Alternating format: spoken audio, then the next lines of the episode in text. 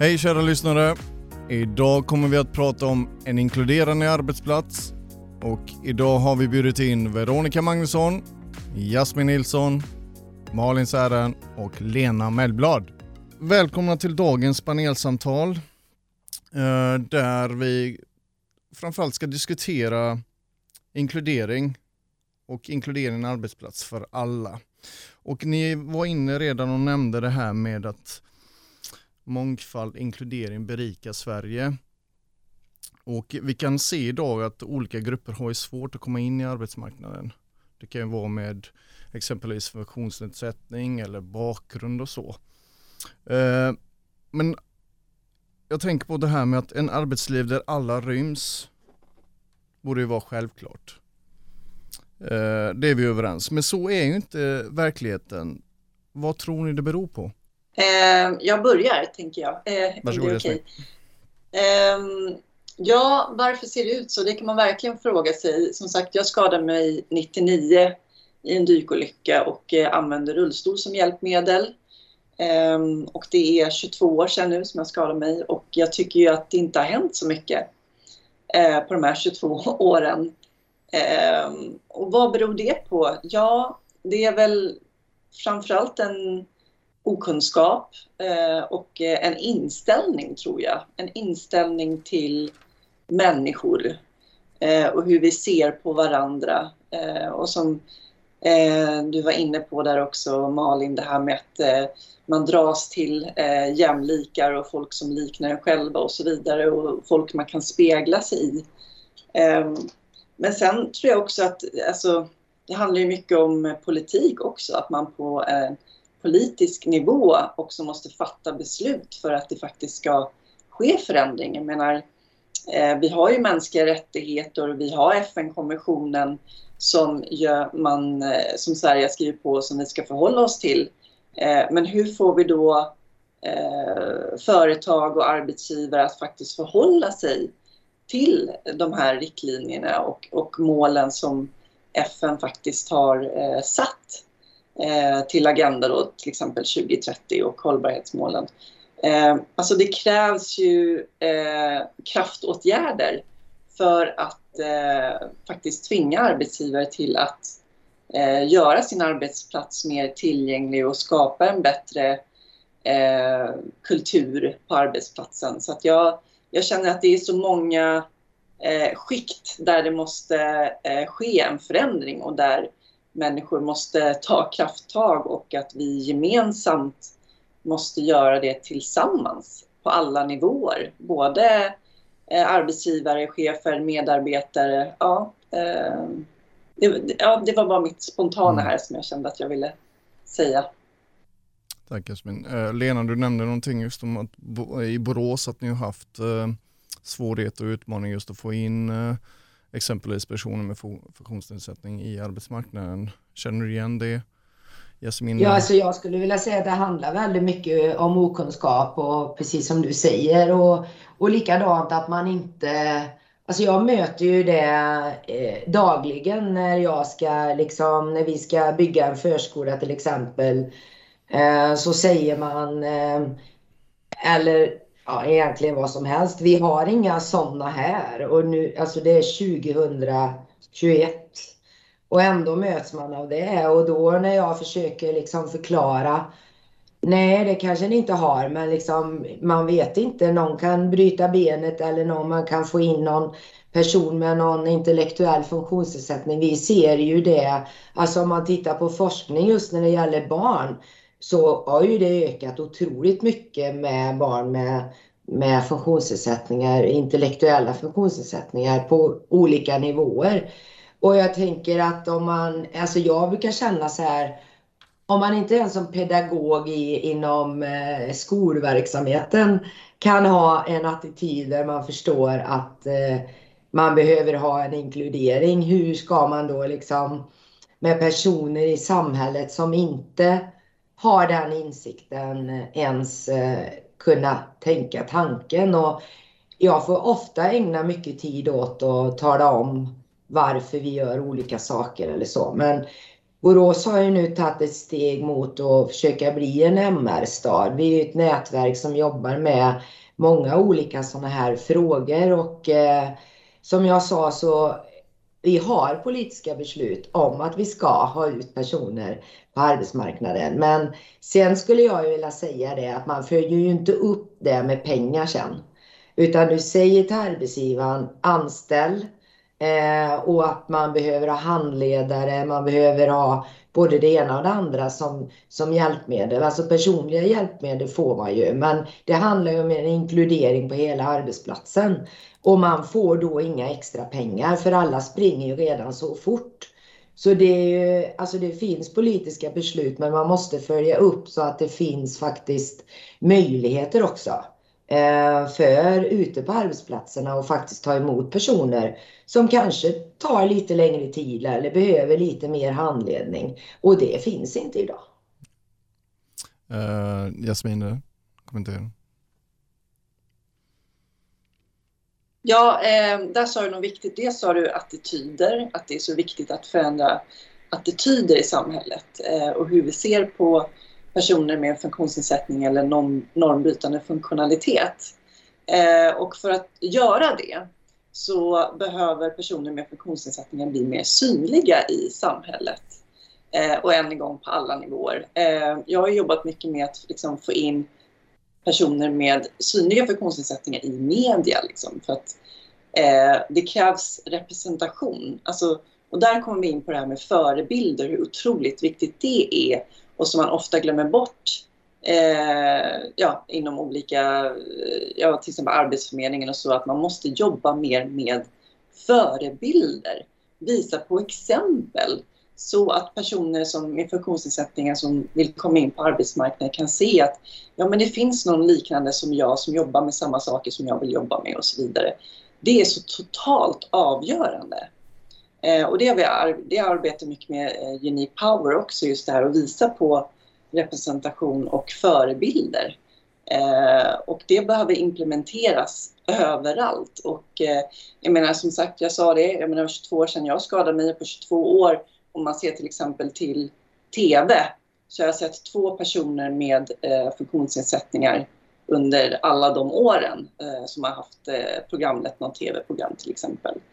Eh, ja, så att det, det, vill jag också lyfta just eh, hur viktigt det är med förebilder och att man behöver jobba med det, tänker jag, eh, kommunalt också.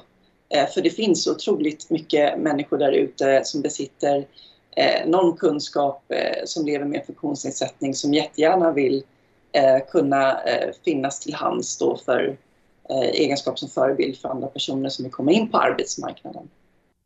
Tack. Tack Jasmin. Eh, Veronica, varsågod. jag håller med båda två kopplat till representation, hur oerhört viktigt det är och att försöka vidga normen så mycket det går. Eh, och också det här med att mer slimmade organisationer har gjort det kanske så att att insikten om att, att olikheter är bra och att man ska försöka jobba för mångfald, den har kanske ökat. Men i takt med det så har det blivit mer och mer slimmat och man upplever att man tror att det kommer ta så oerhört mycket tid eller att det kommer vara svårt och man ska anpassa så mycket. Så det gör att, att arbetsgivarna har någon slags eh, rädsla för att, för att bredda. Och där tror jag att man måste komma runt både för att mer kräva det som en, det, utgångsläget ska vara att man anpassar i grunden så brett som möjligt. Att det inte är liksom att anpassa efter varje person som kommer in, för alla har ju olikheter, utan istället att bygga arbetsplatser och då menar jag både i arbetskultur och fysisk utformning och mycket annat som utgår för att så många som möjligt ska kunna komma till sin rätt där. Eh, och se att det då blir, oftast gör ju det att det blir enklare för, för alla oavsett eh, hur vi är. Så att, att jobba med, med normen och att försöka vidga den eh, och att inte göra det till någonting som tar tid eller svårt. Och då behövs det ju kunskap. Men också skulle jag säga att det kanske handlar om att ha det som ett rättighetsperspektiv. Eh, att alla har rätt att komma eh, att rymmas i arbetslivet, att komma till sin rätt eh, och att vi tillsammans behöver då hjälpas åt att, att bygga arbetsplatser som, som är anpassade så mycket det går. Där det är lätt att komma in. Tack eh, Veronica. Jag tänkte, ni har varit inne lite grann på det här men alltså kanske lite mer eh, tänker eh, på dig Malin. Det här med hur skapar man en arbetsmiljö då? Tänker jag just där ja, funktionsnedsättare får plats i, liksom i en arbets, arbetsplats. Hur, mer till huret kanske? Ja, precis. Och det är väl detta som, som både vi och arbetsgivaren uppenbarligen ser som en utmaning såklart. Alltså vi ser ju mycket lösningar i detta. Eh, men man behöver ju också titta på vad kan vi göra för de här grejerna som du säger rent krasst i en arbetsmiljö och det beror ju på så mycket vad, eh, vad det ger. Men attityden tänker jag som ni har pratat om redan, den psykosociala arbetsmiljöbiten. Bara attityden och öppnandet av att eh, att vi är olika och att vi har olika eh, utmaningar eh, gör ju att vi har eh, att eh, arbetsgivaren också kan liksom tänka utanför boxen. Eh, och jag tror att mycket ligger i attityden, för det är inte det att det är svårt att anpassa i arbetsmiljön fysiskt, utan att det är mer eh, utmaningarna som sker med eh, att man tänker att det är eh, jobbigt eller att man tänker att det är annorlunda som gör att man inte möjliggör det. Eh, och där tänker jag också att vi behöver lyfta det som fackliga i varje forum, ända ut till lokal nivå. Att eh, vi ser det här och att vi behöver möjliggöra det eh, framåt. Och att vi behöver ännu mer trycka på eh, mångfalden och att det är bra eh, att vi är olika helt enkelt. Eh, tack Malin. Vill jag jättegärna Eh, kommentera lite grann det, det du var inne på också eh, Veronica, men från Visions sida då, hur, hur jobbar man med dessa frågor då exempelvis det här med att eh, en inkluderande arbetsplats men alltså en arbetsplats för alla mer fackligt då, hur, hur, hur bollar man med de här äh, frågorna? Men dels har vi en viktig uppgift att äh, beskriva vilken lagstiftning som finns. Äh, diskrimineringslagen är väldigt tydlig Eh, att man inte ska eh, bli begränsad på grund av att man har en fysisk, eh, psykisk eller intellektuell funktionsförmåga oavsett funktionsförmågan.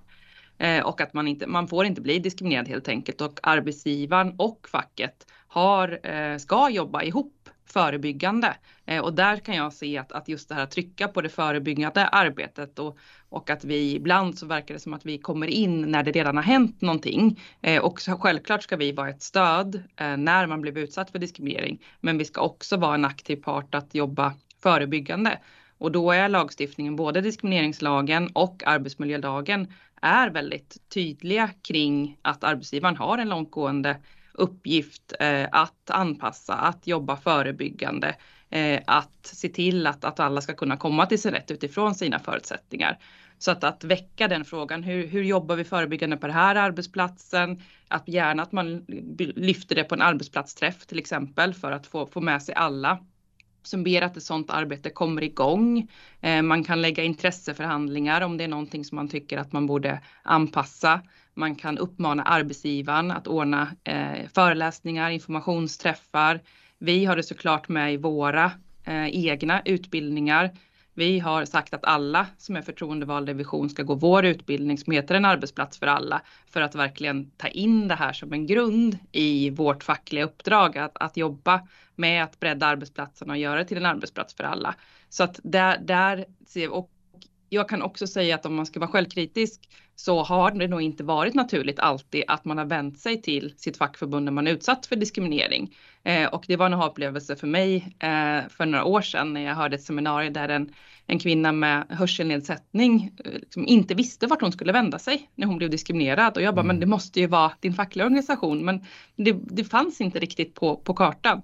Och där ser jag att det måste vara självklart, både vårt förebyggande uppdrag och eh, att det är facket man vänder sig till om man har blivit utsatt. Så där har vi en viktig roll att spela. Verkligen. Eh, eh, Malin, varsågod. Jo, nej men jag tänker lite det på det du säger Veronica, att det som vi kan se ute på, eh, liksom jag som är på många arbetsplatser lokalt i samma kommun, eh, där är det ju att på vissa ställen så visar man ju den här filmen till exempel om inkludering och vi har som våra eh, mångfaldsutvecklare och eh, eh mänskliga rättigheters utvecklare har gjort. Eh, och så är det ingenting mer med det, för då har man gjort den uppgiften man ska göra. Man har visat, man har liksom Eh, Eh, synliggjort det. Eh, men sen har vi faktiskt de ställena som gör någonting åt det. eh, där det faktiskt händer saker och jag måste lyfta det att det finns positiva exempel där man har eh, eh, anställt Eh, personer där det, där det är synliga liksom, funktionsnedsättningar, där man ändå ser att man möjliggör det och det är inga problem. Man löser de utmaningarna som finns på plats. Och det måste jag lyfta att det finns eh, de arbetsplatserna som gör det. Eh, men det är också, där grundar det sig i att man faktiskt arbetar tillsammans så att man inte ser hinder, man ser eh, istället tillgångarna man får utav det. Eh, och där har man jobbat utifrån dessa och gör någonting åt det också det är inte bara det att man ska ha det i kommunen liksom, utan man måste också ha verkstad i det. Eh, så det, det tror jag är viktigt. Eh, tack. Jag, jag, tänkte på, på Lena där. Hur, hur, tänker du kring det här med eh, ansvaret? Vem är det som egentligen bär ansvaret för, för att eh, ett inkluderande arbetskultur då på, på, på ett företag eller så? Hur, hur tänker du kring ansvaret där? Vad, vad, eh, vem bär det egentligen? Alltså jag tänker lite grann eh, det vi pratar om att man ska arbeta rättighetsbaserat eh, arbetssätt. Eh, då tänker man ju automatiskt på att man ska ha, ha en mångfald och att man kan vara med på arbetsplatsen.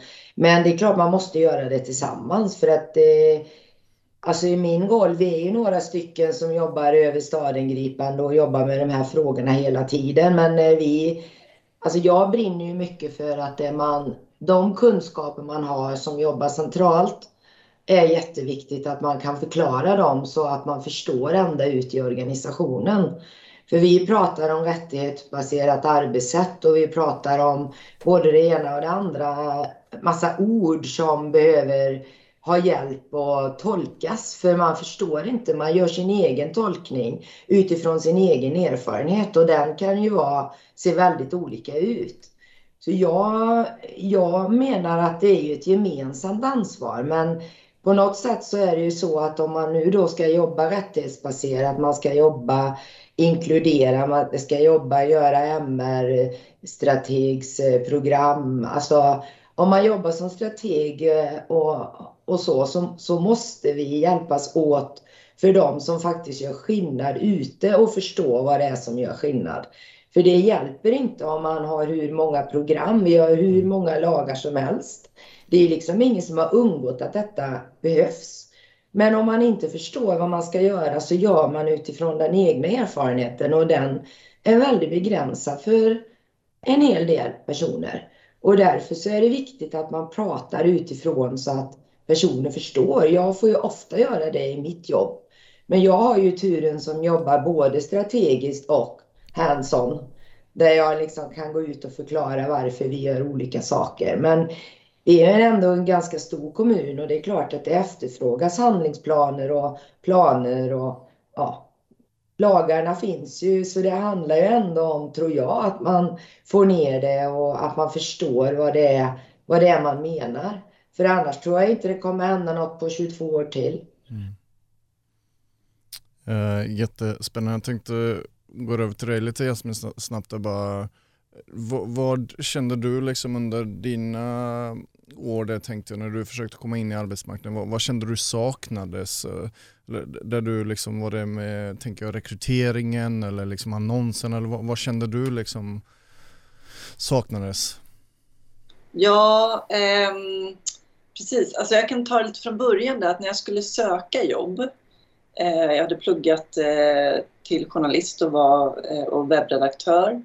Eh, så jag sökte lite olika mediajobb eh, och då var jag runt 20-årsåldern. Eh, och då hade jag med mitt CV och så hade jag en helkroppsbild för jag tänkte att eh, då har man liksom redan ja, snackat om elefanten i rummet. Liksom. Då vet man att jag använder rullstol som hjälpmedel. Men jag fick väldigt Eh, få, alltså jag fick ja, få svar på min, mina ansökningar. Så då tänkte jag, om jag testar ändå, för jag vill ändå, liksom, är det rullstolen som är problemet eller liksom varför? För det var just den typen av tjänster var ju väldigt efterfrågade då, eh, den tiden. Um, ja, men då testade jag bara att ha en porträttbild, en ansiktsbild eh, i cv. Eh, och då fick jag helt plötsligt jättemånga svar. Ehm, och grejen då var ju att när jag fick komma på intervju så var det ett ställe där arbetsplatsen inte var anpassad, där det var en trappa upp. Så då fick vi hålla intervjun då på ett café som låg bredvid eh, den här arbetsplatsen. Så det var ju lite spännande. Men det var ändå, jag tyckte ändå att det var intressant. Det var ju lite så här, ja, lite experiment att se liksom, vad får man för bemötande, liksom, vad, hur tänker de här, hur ska de lösa det här nu? Så, eh, så det var egentligen det, min första erfarenhet av att försöka komma in på arbetsmarknaden. Sen landade jag i att eh, börja jobba som webbredaktör för stiftelsen Spinalis eh, som ju startades av Claes Hultling som själv eh, använder rullstol som hjälpmedel. Så där eh, hamnade jag på, redan på en inkluderande arbetsplats där det fanns andra personer med eh, funktionsnedsättningar. Så det var inget konstigt med det så sen. Eh, men eh, sen har vi väl upplevt många gånger att det, det är just den här osäkerheten som man möter många gånger hos, hos människor. Man vet inte hur man ska agera, vad man ska säga. Eh, och där krävs ju eh, att jag då som individ måste vara den starka i det sammanhanget istället och ta initiativ och eh, liksom förklara och, och sådär. Och det är ju inte alla som kanske har den förmågan många gånger, liksom, att eh, kunna ta den platsen.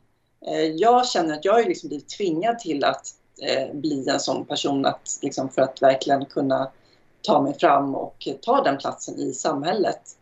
Eh, men så det tänker jag att man måste jobba mycket med det här med individstärkande eh, metoder liksom, för att få individer att, att förstå sin värdighet eh, och också veta sina rättigheter. För det är ju inte alla som gör det. Jag menar, jag tog exempel där som om man har en hörselnedsättning till exempel och att hon hade ingen aning om att, att hon faktiskt, vem hon kunde vända sig till när hon var diskriminerad. Och jag tror att det är många majoriteten inte vet eh, hur de ska agera i sådana situationer när man känner sig diskriminerad. Eh, men sen vill jag också lyfta det här med, med faktiskt lönsamhet. Att eh, det finns faktiskt forskning som visar på att företag ökar lönsamheten med 28 procent om eh, man får in mer mångfald och bredare perspektiv och genom att skapa tillgänglig miljö och inkludering och, och, och så vidare. Eh, så det tror jag också man, man borde lyfta oftare, att det faktiskt finns lönsamhet i att skapa, ett mer inkluderande, skapa en mer inkluderande miljö med, med mångfald och fler perspektiv. Um, ja. Uh, verkligen. T tack Jasmin. Uh, Veronica, jag varsågod. Jag svarade på frågan där men... Ja, det har absolut. Tack. Möjligt, känner jag. Men jag tycker Jasmin beskriver ett sådant oerhört viktigt fenomen. Ibland det här brukar beskrivas som minoritetsstress, att om man är den som är annorlunda och hela tiden måste ta ansvar för alla andras reaktion, både den liksom omtänksamma reaktionen eller den reaktionen som bryr sig om och också den reaktionen hos folk som inte förstår eh, att man behöver eh, en anpassning eller att det behövs tillgänglighet till exempel. Att det är en stress i sig eh, och att det kan göra att man under ett, ett arbetsliv eller en arbetsdag utsätts för helt andra typer av situationer och måste ta ansvar för helt andra saker än vad en person som inte har Eh, en nedsättning behöver göra. Och här tycker jag att hela arbetsplatsen och då självklart arbetsgivaren som extra ansvar att se till att, att de, de, liksom de här små, små ständiga liksom stressande situationerna, de ska undvikas så mycket som möjligt. Och ett exempel som var en aha-upplevelse för mig nu. Vi har som sagt eh, gjort en stor renovering här i vårt förbundshus eh, och då eh, till exempel att, att göra ramper till norm. Att på de ställen där det skulle kunnat vara ett par trappsteg så gör man en ramp istället bara för att det funkar ju lika bra för, för alla.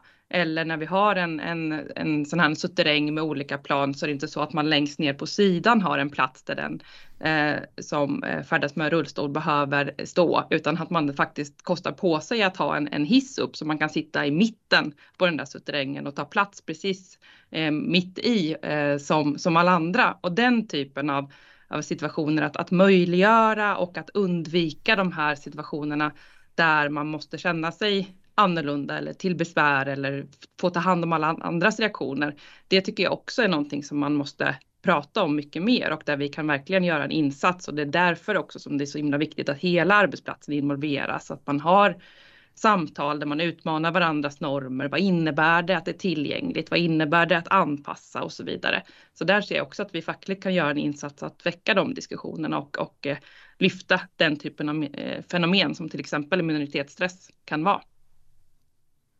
Verkligen jätteviktigt. Jag vill bara flika in det just det här med att, eh, att kunna samtala. Att man träffas och, och lyfter frågor utan liksom att känna att det, bara, det ska bara hänga på en person. Eh, utan verkligen kunna samtala och, och framförallt skapa den kulturen. Eh, tänkte på det här med rekrytering. Det här med att, eh, för det kan ju också vara utmanande just det här med vad, annonserna, hur ska man liksom utforma annonserna och hur, vad ska man tänka på? Hur, eh, Jasmin, hur, hur upplevde du det när det gäller just de rekryterande du träffade kanske eller just annonserna som du, ehm, eller de jobben du sökte? det var så länge sedan nu, eh, så jag kommer nog inte riktigt ihåg så vad jag fick för intryck av dem. Men alltså, det jag tänker är så här att arbetsgivare måste se det som att, jag menar, personer med olika förutsättningar eh, söker ju inte jobb som de inte klarar av. Man måste ju utgå ifrån att människor söker ju faktiskt de jobben som de vet att de är grymma på och kan och eh, har kompetens för. Eh, liksom att man måste vända det lite där och inte tro liksom att, att man måste... Ja, eh, eh, eh, det var bara så här en reflektion som jag fick helt plötsligt att det liksom, man måste utgå ifrån att individen faktiskt söker det jobbet som den klarar av. För det är många som tänker så här, nej men hur ska den klara av det här på grund av den och den funktionsnedsättningen? Ja, men det är väl inte upp till dig att avgöra. Det är väl upp till den sökande att avgöra om man gör det eller inte. Eh, ja. Så att jag tror inte att man ska problematisera heller när man lägger ut annonser och så vidare utan man utgår ifrån den tjänsten som man vill ha och sen eh, utgår ifrån att personen som söker tjänsten klarar av eh, jobbet. Oavsett förutsättningar. Tack. Upplever ni kanske också att det, det, finns en kanske saknad av kunskap och kanske framförallt någon utbildning tänker jag kring liksom just det här med förhållningssätt och öppenhet till att när man, ja, man ska anställa intervjua eller men kanske med person med funktionsnedsättning. Ja, precis. Det tror jag verkligen att eh, eh alltså egentligen, för det är ju det, det är ju den här osäkerheten som många har och inte vet hur man ska bemöta men egentligen i grunden så ska man bemöta alla lika. Liksom. Det är väl det, men jag, jag tänker så här att eh, om man inte då ska problematisera saker och ting så eh, om det kommer en person eh, som har någon normbrytande funktionalitet eller osynlig, det kan man ju inte veta, att man bara liksom eh, frågar eller säger att eh, om det är någonting som jag kan assistera med eller någonting så säg bara till. Liksom, tänker jag. Att man bara slänger ut en sån fråga och, och inget mer. Sen är det ju upp till den individen då att säga om det är någonting då som inte funkar eller som man behöver hjälp med eller som, ja, som man undrar över och så vidare. Så Jasmin, om jag förstått det rätt så kanske det handlar mer liksom om ja, alltså individens kanske önskemål Ja, men precis. Att den i sådana fall liksom... Har du några särskilda önskemål eller är det någonting? Och det kan man ju också lägga ut då redan i annonsen liksom, mm. utan att skriva någon på näsan utan bara säga om du har några särskilda önske, önskemål, ja men säg till eller hör av er eller ja, vad som helst. Att man kan liksom göra det mer allmänt och lite bredare. Uh, ja. Tack, uh, Lena, varsågod. Eh, några saker. Jag tänker att eh, när det gäller den enkla delen, just som eh, man kanske oftast förknippar med funktionsnedsättning. Enkla delen var inte rätt uttryck, men alltså det som är synligt. Eh, det är ju så att inte ens arkitekterna har, ingår i deras utbildning. Eh, I grundutbildningen om hur man bygger tillgängligt. Det är en extra kurs de får gå. Eh, och det är liksom, man slåss mot arkitekter varenda dag för att de inte liksom faktiskt gör det som går att göra när det gäller den fysiska miljön. Och sen tänker jag också att det handlar om det här bemötandet, att man inte vet vad man ska göra, vad man ska säga. Precis det vi pratade om innan, att den individen som kommer får ta ansvaret för, för både hjälp och ohjälp. Bara för att man inte har pratat om det och vet inte hur man ska bete sig. Ska jag hjälpa till med allt eller är det fel eller är det rätt att fråga? Eller, och då tänker jag sådana här enkla lathundar eller vad man ska säga. Alltså, jag tänker också att det är olika upp till varje person. För en del, alltså... Men om man kunde hitta någon nivå där liksom som, man, som alltid var okej okay för bemötandet på något sätt. Eh, och sen får det ju bli upp till varje person som kommer. Men det är ju så att man, alltså jag vet när vi var ute och faktiskt hade möjlighet att åka till eh, utomlands med personer med funktionsnedsättning. Vi hade en tjej som var blind och en som åkte, använde rullstol. Och personer som använde rullstol, alltså även de som var tränade på flygplatserna eh, och forsla personer med funktionsnedsättning pratade inte med han i rullstol utan de pratade med oss som stod i jämte. Och då tänker jag inte ens där. Sen var det ju också en eh, väldigt bra upplevelse, en aha-upplevelse för mig Eh, när vi bestämde att vi skulle gå in i affärerna och shoppa. Och tjejen som var blind blev kvar. Alltså vi, det tog ju inte lång stund innan vi förstod att ja, någon måste ju faktiskt ta med sig Susanne som hon heter. Men alltså det handlar ju om att man får sådana egna upplevelser. Det var ju inte för att vi var, skulle vara elaka eller det var bara vi tänkte inte. Uh, och det där är ju någonting man upplever varje dag. Liksom. Uh, och det är också det man lär sig på. Det är ju det man blir ödmjuk inför. Men vi har ju, har man ingen att träna på, eller på att säga, så blir vi ju inte bättre heller. Ja. Uh, tack Veronica. Varsågod. Tack. Men när vi pratar om rekrytering så tycker jag att det är viktigt att, att betona att, att diskrimineringslagen, eh, den, där ingår ju redan alltså rekryteringstillfället men också befordran och sådana saker. Men, men redan innan eh, man då ska anställa någon så har du som arbetsgivare ett, ett ansvar att inte diskriminera och det är viktigt att känna till. Och där finns det väldigt bra konkreta sätt för oss fackligt att, att peka på hur rekryteringsprocesserna ska gå till. Och jag vill lyfta dels vår centralorganisation TCO har en jättebra handbok som heter Rekrytera utan att diskriminera man kan använda.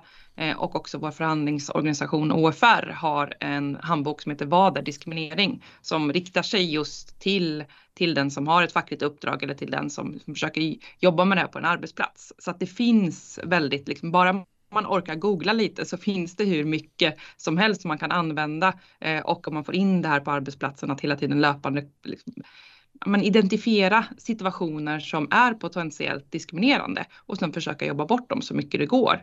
Eh, och som sagt inte bara liksom ställa, man, man ska inte ta det när, när det redan har skett utan så mycket som möjligt förebygga.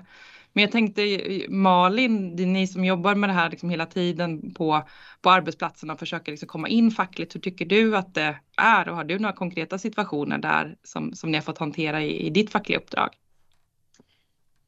Eh, nej, men vi har ju det här som jag pratade om tidigare, att vi har faktiskt arbetsplatser eh, där vi har haft eh, där cheferna då har rekryterat eh, flera med eh, olika funktionsnedsättningar på samma arbetsplatser.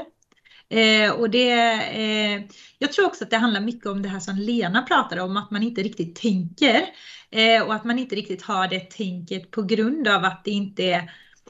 Alltså, för mig hade det ju inte varit någon, någon liksom konstighet att, eh, att rekrytera någon med funktionsnedsättning. Eh, men det är heller inte så att det kommer på tal speciellt ofta att man pratar om det. Jag tror att man behöver lyfta det mer till oss lokala ute att liksom, hur, det här som du pratar om Veronica, ja, men om man googlar lite så hittar man detta. Men när, alltså det är så mycket när man är förtroendevald som man ska tänka på hela tiden. Så hur att vi får lätta liksom, hjälpmedel också ute att eh, att eh, få hjälp att tänka i de här banorna. För vi vet ju det här och vi har ju med i våra visionsutbildningar eh, om diskriminering och eh, normer och vi har ju även den här filmen Tillbaka i tiden som visar på normer att du anställer gärna någon som är lik dig själv och sådär.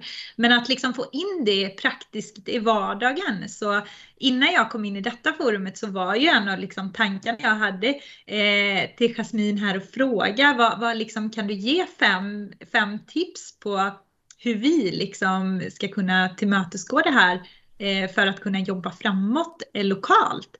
För det är ju så att eh, man måste anpassa det till den enskilda arbetsplatsen hela tiden. Eh, och dels tänker jag att en utmaning är ju att när man inte ska bygga om en arbetsplats, hur ska man då liksom anpassa? Eh, och en utmaning är ju att det som redan Alltså liksom när man ska bygga är ju inte en utmaning egentligen för då kan vi få med att vi ska bygga tillgängligt. Och jag har ju förmånen att få vara tillsammans med Lena väldigt mycket så jag har ju också blivit, eh, jag tänker på det hela tiden medan jag vet att när man frågar andra ute, är ni tillgängliga? Då kan de tänka att är vi tillgängliga i tid? Det handlar inte alltid om är vi tillgängliga för, för att ta in eh, rullstol eller är vi tillgängliga för att ha eh, personer med sy, eh, synnedsättning utan då tänker de är vi tillgängliga i tid för att vi tänker liksom inte på samma sak eh, när vi pratar om tillgänglighet. Eh, och det, det är ju förmånen att jag har fått vara med Lena, att jag har lärt mig att tänka det. Liksom. Eh, men det är ju inte alla som har, har den ingången. Och då tänker jag också att det, ni, det hade varit väldigt bra för oss eh, lokala att få med oss ut. Liksom. Eh, för vi har så mycket annat att tänka på med samverkan och det, allting rullar ju bara på. Eh, men det här hade ju varit otroligt viktigt arbete att ta med in och, och en lokal liten lathund om hur man ska tänka. Tack Molly, verkligen. Eh, jag tänkte på, du, du skickade en eh, fråga till Jasmin om just de här tipsen och vad, vad som skulle kunna liksom underlätta och framförallt kanske ha det lite som en ja, lathund och, och hur man kan gå vidare framförallt och till att börja med lokalt. Då. Ja, det, det är en stor fråga. Jag känner ett stort ansvar här att svara bra på det. Men, ehm, eh, och jag har inte förberett mig så. Men precis, lathund överhuvudtaget är väl bra att ha i alla sammanhang oavsett om det gäller eh, tillgänglighet på arbetsplatsen eller, eller om det gäller bemötande, hur man ska bete sig och så vidare. Så det är väl alltid bra att ha det svart på vitt, absolut. Eh, och det finns ju alltså det finns ju så många tips och råd på nätet, bra sidor som eh, med olika punkter eh, när det gäller just de här eh, lagar och rättigheter som finns, som man ska förhålla sig till. Jag tänker även på den eh, digitala, alltså lagen om tillgängligt eh, till digital offentlig service som ju ställer eh, lagkrav på att hemsidor ska vara tillgängliga, att det ska funka. Om man, har, om man är döv, har hörselnedsättning, om man har en synnedsättning eller om man är blind och så vidare. Eh, för det, det är som du säger, det är så omfattande, det är så mycket att tänka på. Eh, det är både digitala och det är den fysiska miljön och så vidare. Liksom. Eh, så jag tänker att eh, man, som sagt, det finns hemsidor där de har skrivit upp de absolut viktigaste punkterna som man kan tänka på. Nu kommer jag inte specifikt ihåg vilken, men jag vet att det finns en hemsida som är jättebra eh, punkter kring både den fysiska och digitala eh, tillgängligheten. Eh, men sen är det ju faktiskt, alltså det finns ju, ja oh gud, det är så svårt det där också med just man tycker att det är en självklarhet och det finns lagar som säger att den fysiska miljön ska vara tillgänglig.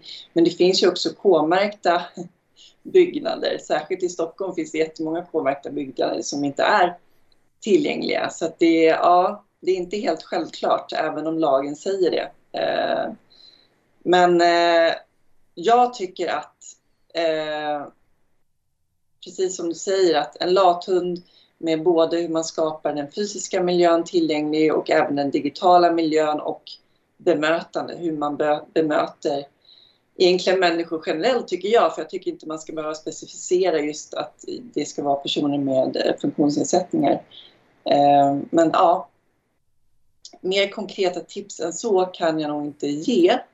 Eh, men eh, ja, se över hemsidor tycker jag också är viktigt för där alltså 90 procent av alla hemsidor brister när det gäller tillgänglighet. Alltså, Och om då personer ska kunna hitta eh, och det är ju där också att med representationen att hemsidor måste kunna representera mångfald. För om jag då ska söka jobb och börja googla och kolla runt och så vidare och så hittar jag en hemsida, om man säger att det är bara en hemsida med bara vita personer. Liksom. Eh, det är inte så kanske inspirerande eh, så och jag kanske inte känner att jag kan spegla mig i det eller det finns ingen representation av personer med synliga funktionsnedsättningar och så vidare.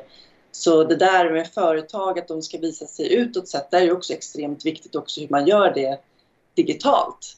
Eh, så, för där ja, finns det mycket att göra när det gäller just hemsidor till exempel. Tack för väldigt bra tips där eh, Jasmin. Eh, Malin, varsågod. Nej, men det är just det här när man sitter och pratar om det, att det är svårt liksom också att bryta ner, att det är ett speciellt tankesätt. Man, alltså, vi behöver ju tänka annorlunda. Det är ju attityden och det här vi pratade om från början, att vi behöver komma in i det. Eh, och sen så är det det här med byggnationerna och den fysiska arbetsmiljön är en del. Eh, men det här just då, att bryta ner det här med diskrimineringslagen och så, det tror jag är ett vinnande koncept ut till våra lokala ombud för att jobba med frågorna. Verkligen, tack Malin. Jag tänker nu, alla har ju varit inne på just det här med eh, att inkludering handlar ju främst liksom just det här med bemötande, beteende, attityd, men framförallt en skapande kultur också. Den kulturen man skapar på en, på, på en arbetsplats. Men om vi ska gå in lite grann till det här huret, alltså hur kan vi bli bättre på att inkludera då?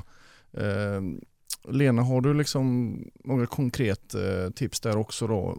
Det här med huret, hur, hur ska vi liksom jobba vidare nu? För eh, när vi lyssnade på Jasmin där så, så det har liksom inte hänt så mycket på, på 20 år där. Vad, vad, vad kan vi liksom konkret bli bättre på? Nej. Alltså det ser ju olika ut i landet beroende på hur mycket man satsar på kommun, från mm. kommunens sida på de här frågorna. Eh, just när det gäller tillgänglighet har vi kommit väldigt långt i Borås. Vi har vunnit flera internationella priser utifrån hur vi jobbar med tillgängligheten just. Men ja, jag tror att vi måste hjälpa personer att förstå orden. När man pratar om rättighetsbaserat arbetssätt, hur man, hur man rent konkret eh, vad man menar med det så att man inte gör sin egen tolkning Eh, och att man behöver ha personer som kan, eh, ja dels som du säger spegla sig, Jasmin. Att, man, eh, ge, att det finns någon som kan förklara eller liksom svara eller gå, i, alltså, hjälpa till och, och förstå helt enkelt. För det är inte enkelt. Och det, alltså det spelar ju egentligen ingen roll vad det är för kommunikation man pratar om. Vi har, om vi säger ett ord så har ju vi fem olika tolkningar på det ordet.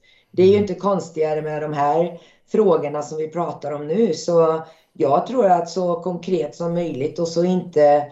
Sen har jag en filosofi att man inte kan göra allting på en gång för det går inte mm. utan vi behöver liksom vinna strider hela tiden och ta dem också.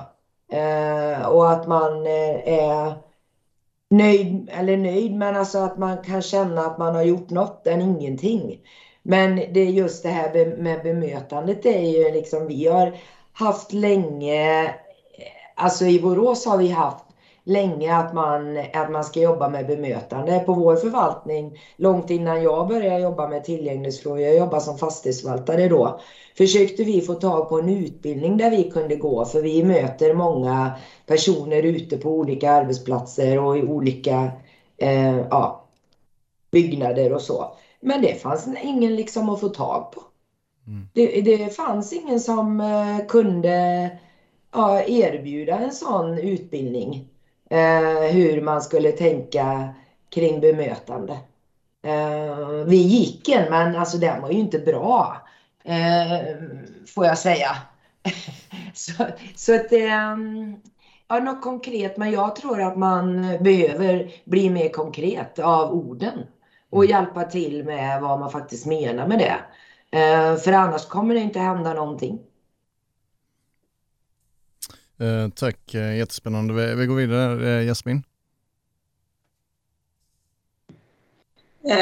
Jag håller med dig verkligen där kring orden, att det är otroligt viktigt hur vi använder dem för att de kan vara laddade många gånger. Och, eh, eh, men det jag ville flika in med är just det här med när det gäller utbildning och utbilda i just kring eh, bemötande, kring tillgänglighet och sådär. Då vill jag faktiskt gå in och tipsa om eh, Unique Power som eh, faktiskt är en plattform där vi samlar, eh, ja, man samlar kompetens med personer med alla möjliga olika funktionsnedsättningar eh, som har jättebra eh, utbildningar kring det. Eh, så det vill jag tipsa om. Och sen kom jag på den där webbsidan som jag tänkte på. Det var funka.com.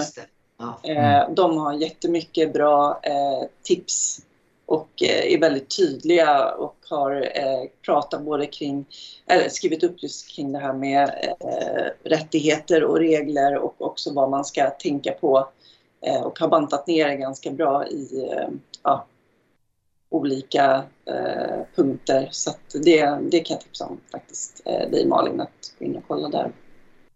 Tack Jasmin. Ja. Vill jättegärna spinna vidare lite grann på det du sa Lena, det här med att förstå orden. Vill jag vända till dig Veronica. Hur kan Vision vara med och hjälpa till där och stötta just kring det här med för, för, att vi, vi är väl överens om att det är väldigt många företag, eh, offentliga sektorn och så vidare. De, det är väldigt många ord va, som man kan se och man kan läsa. Men det är inte alla riktigt som förstår innebörden av orden. På vilket sätt kan Vision vara med och stötta det? Jag tror att vi har en väldigt viktig uppgift i att eh, både avdramatisera, att eh, inte kanske göra det så svårt att få till samtal på arbetsplatserna eh, via till exempel så här, kortlekar som man kan prata utifrån eller ett, ett fördomstest. Vad är okej att säga? Inte för att liksom, rätta människor utan för att få till diskussionerna och att man på arbetsplatsen redan innan någonting uppstår ska ha pratat om eh, normer och värderingar och, och, ord och så vidare. Så att, att få till det samtalet löpande på arbetsplatsen är jätteviktigt. Men sen så tycker jag också att vi har en, en viktig roll i att betona liksom ansvaret och att det här är inte någonting som arbetsgivarna ska göra för att vara, vara snälla eller schyssta utan det är för att vi har kommit överens om i Sverige att vi har en lagstiftning som där det, arbetsplatserna ska vara inkluderande och där man inte Eh, ska bli diskriminerad. Så det är båda de delarna, att avdramatisera, göra det lätt att prata om och även fackligt förtroendevalda kan ju tycka att det är svårt och det gäller alla diskrimineringsgrunder. Att så här, men tänk om jag säger ett, ett ord som någon tycker att man inte får säga och hur ska jag göra då? Och, då det, och det som händer då är att många istället för att göra någonting och sen så kanske det blir inte exakt rätt formulering men det leder till något bra eh, undviker att försätta sig i situationer där man kan göra fel. Och det där måste man ju liksom bryta och där kan vi hjälpas åt och ibland kan det bli så att, att eh, många situationer blir väldigt rädslostyrda och, och då får man liksom eh, hjälpas åt att, att rätta varandra. Men det jag tycker är viktigt då är att det inte är den som riskerar att bli utsatt är den som ska behöva ta ansvaret för att rätta, utan då kan man hjälpa sin kollega att men, det där var väl inte så bra formulerat eller vänta mm. nu, vi ska väl kanske inte ordna föreläsningen i den där lokalen som man inte kan, kan komma till eh, på grund av ifall man har rullstol till exempel. Så att det finns många sådana saker som vi behöver göra. Um, och vi har en viktig roll och bara att säga att vi har mm. en viktig roll, att hela tiden återkomma till det är ju också ett, ett ansvar som vi behöver ta. Som sagt, jag tycker att vi faktiskt har en väg eh, kvar att gå, eh, vi fackliga organisationer, i att göra diskrimineringsfrågorna till, till våra frågor. Eh, och sen så tycker jag också att skapa igenkänning, för diskrimineringsgrunderna omfattar ju oss allihopa. Alla har, liksom, har är en del av diskrimineringsgrunderna. Alla vi kan hamna i situationer där vi diskrimineras på grund av eh, vår funktionsförmåga, på grund av vår bakgrund eller vårt kön eller vår könstillhörighet. Så att, där, att skapa den igenkänningen tror jag också är viktigt. Att, så här, men, du skulle väl inte vilja bli utsatt för det här bara på grund av den du är? Så, Nej, mm. men det vill jag ju inte. Ja, men hur gör vi då så att, så att ingen ska behöva bli det? Där, det kan vi bidra. Tack Veronica. Jasmin, varsågod.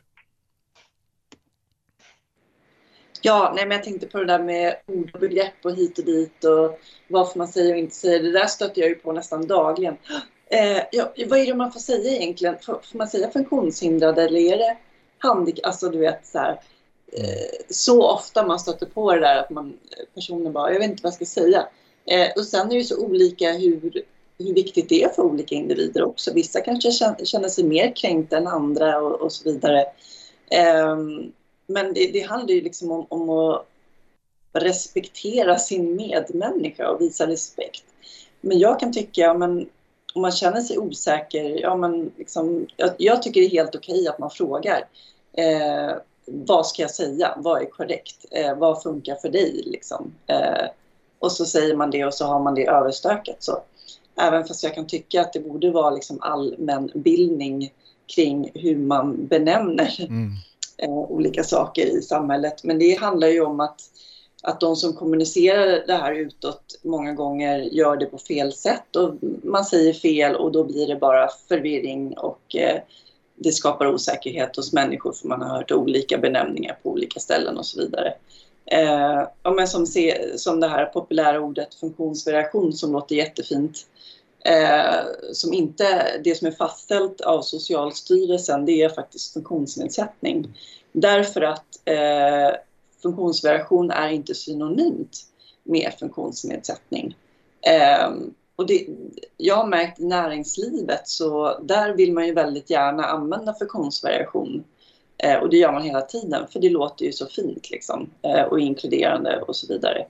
Men eh, ja, det blir lätt missuppfattning, man missförstår eh, begreppen och, och, ja, där är det viktigt att eh, vi som har kunskapen faktiskt eh, kommunicerar rätt från början.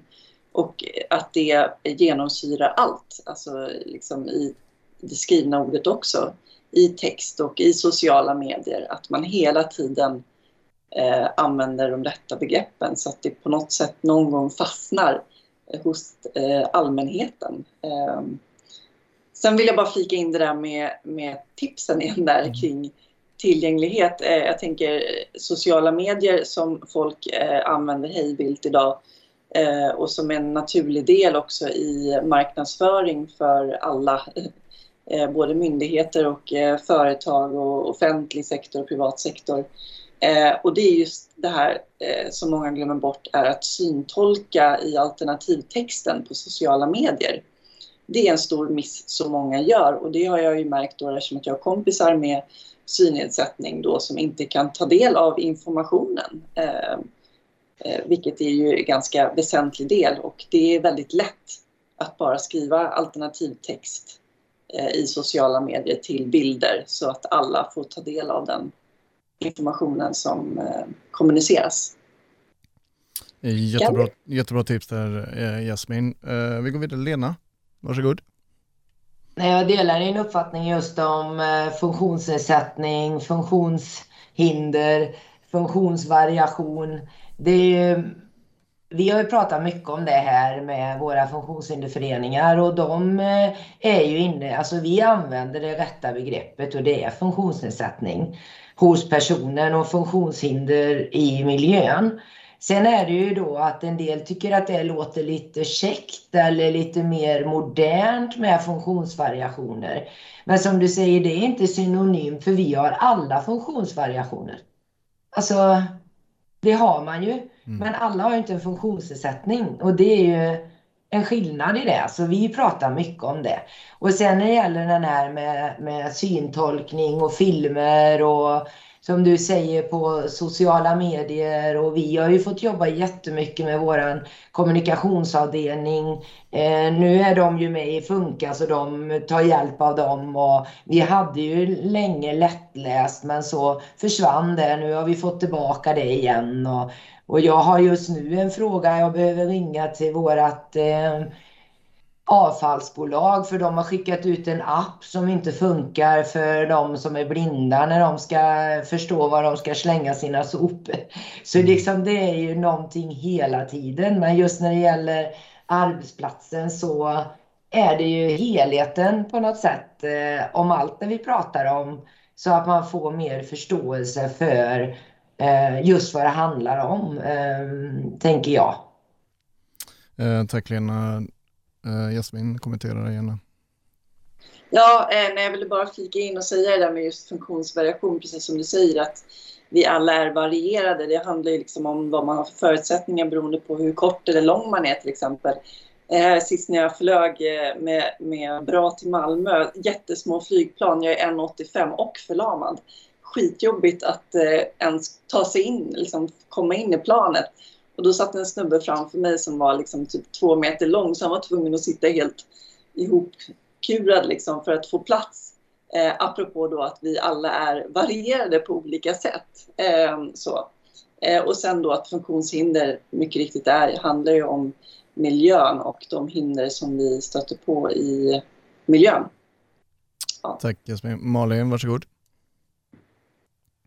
Eh, jo, jag tänkte bara flika in här med eh, Visions kanaler då även lokalt. Det skulle ju vara bra att lyfta med våra kanaler som vi har ut, Facebook-sidor och Instagram till exempel. Hur ska vi förhålla oss till detta i våra egna kanaler? Att vi lever lite som vi lär, för då eh, lyfter vi också frågan lite i eh, liksom runt om frågan ändå, att vi vågar prata frågan. Eh, och jag tror precis det som ni säger också med att eh, man är rädd att säga fel. Jag menar bara jag skulle vara med här idag så är jag rädd att benämna saker fel och liksom göra fel.